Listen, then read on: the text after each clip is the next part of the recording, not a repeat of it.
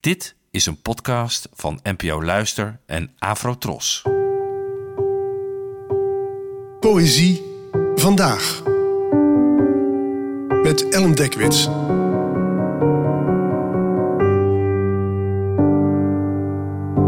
Hallo, fijn dat je luistert.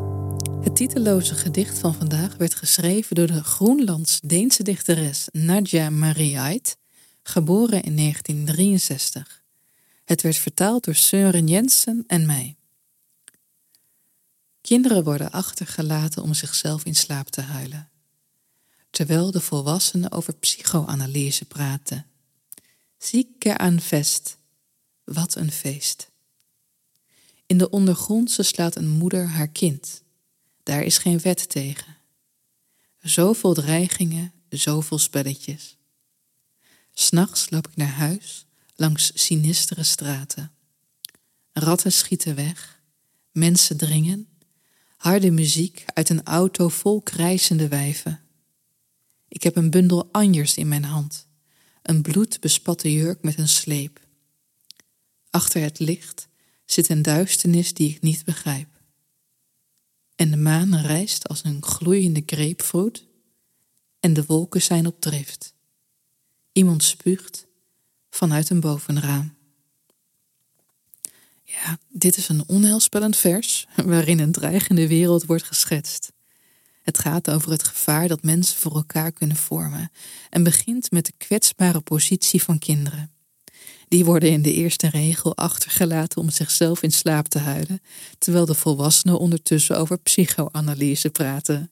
Ironisch genoeg een vorm van therapie, waarbij hoe het onderbewuste werd gevormd door de kindertijd een hele grote rol inneemt. Verderop is een moeder die haar kind straffeloos mept, en dan verschijnt de ik-figuur, gekleed in een bloedbespatte jurk. Er zijn auto's met zanikende wijven, harde muziek, zelfs de ratten vluchten weg. En dan is er de regel die voor mij dan de kern vormt van dit gedicht. Achter het licht zit een duisternis die ik niet begrijp. Welk licht? De beschaving? Die van de feesten, van het uitgaan? En welke duisternis? Het feit blijft dat er achter de wereld van de volwassenen sinistere zaken schuilgaan.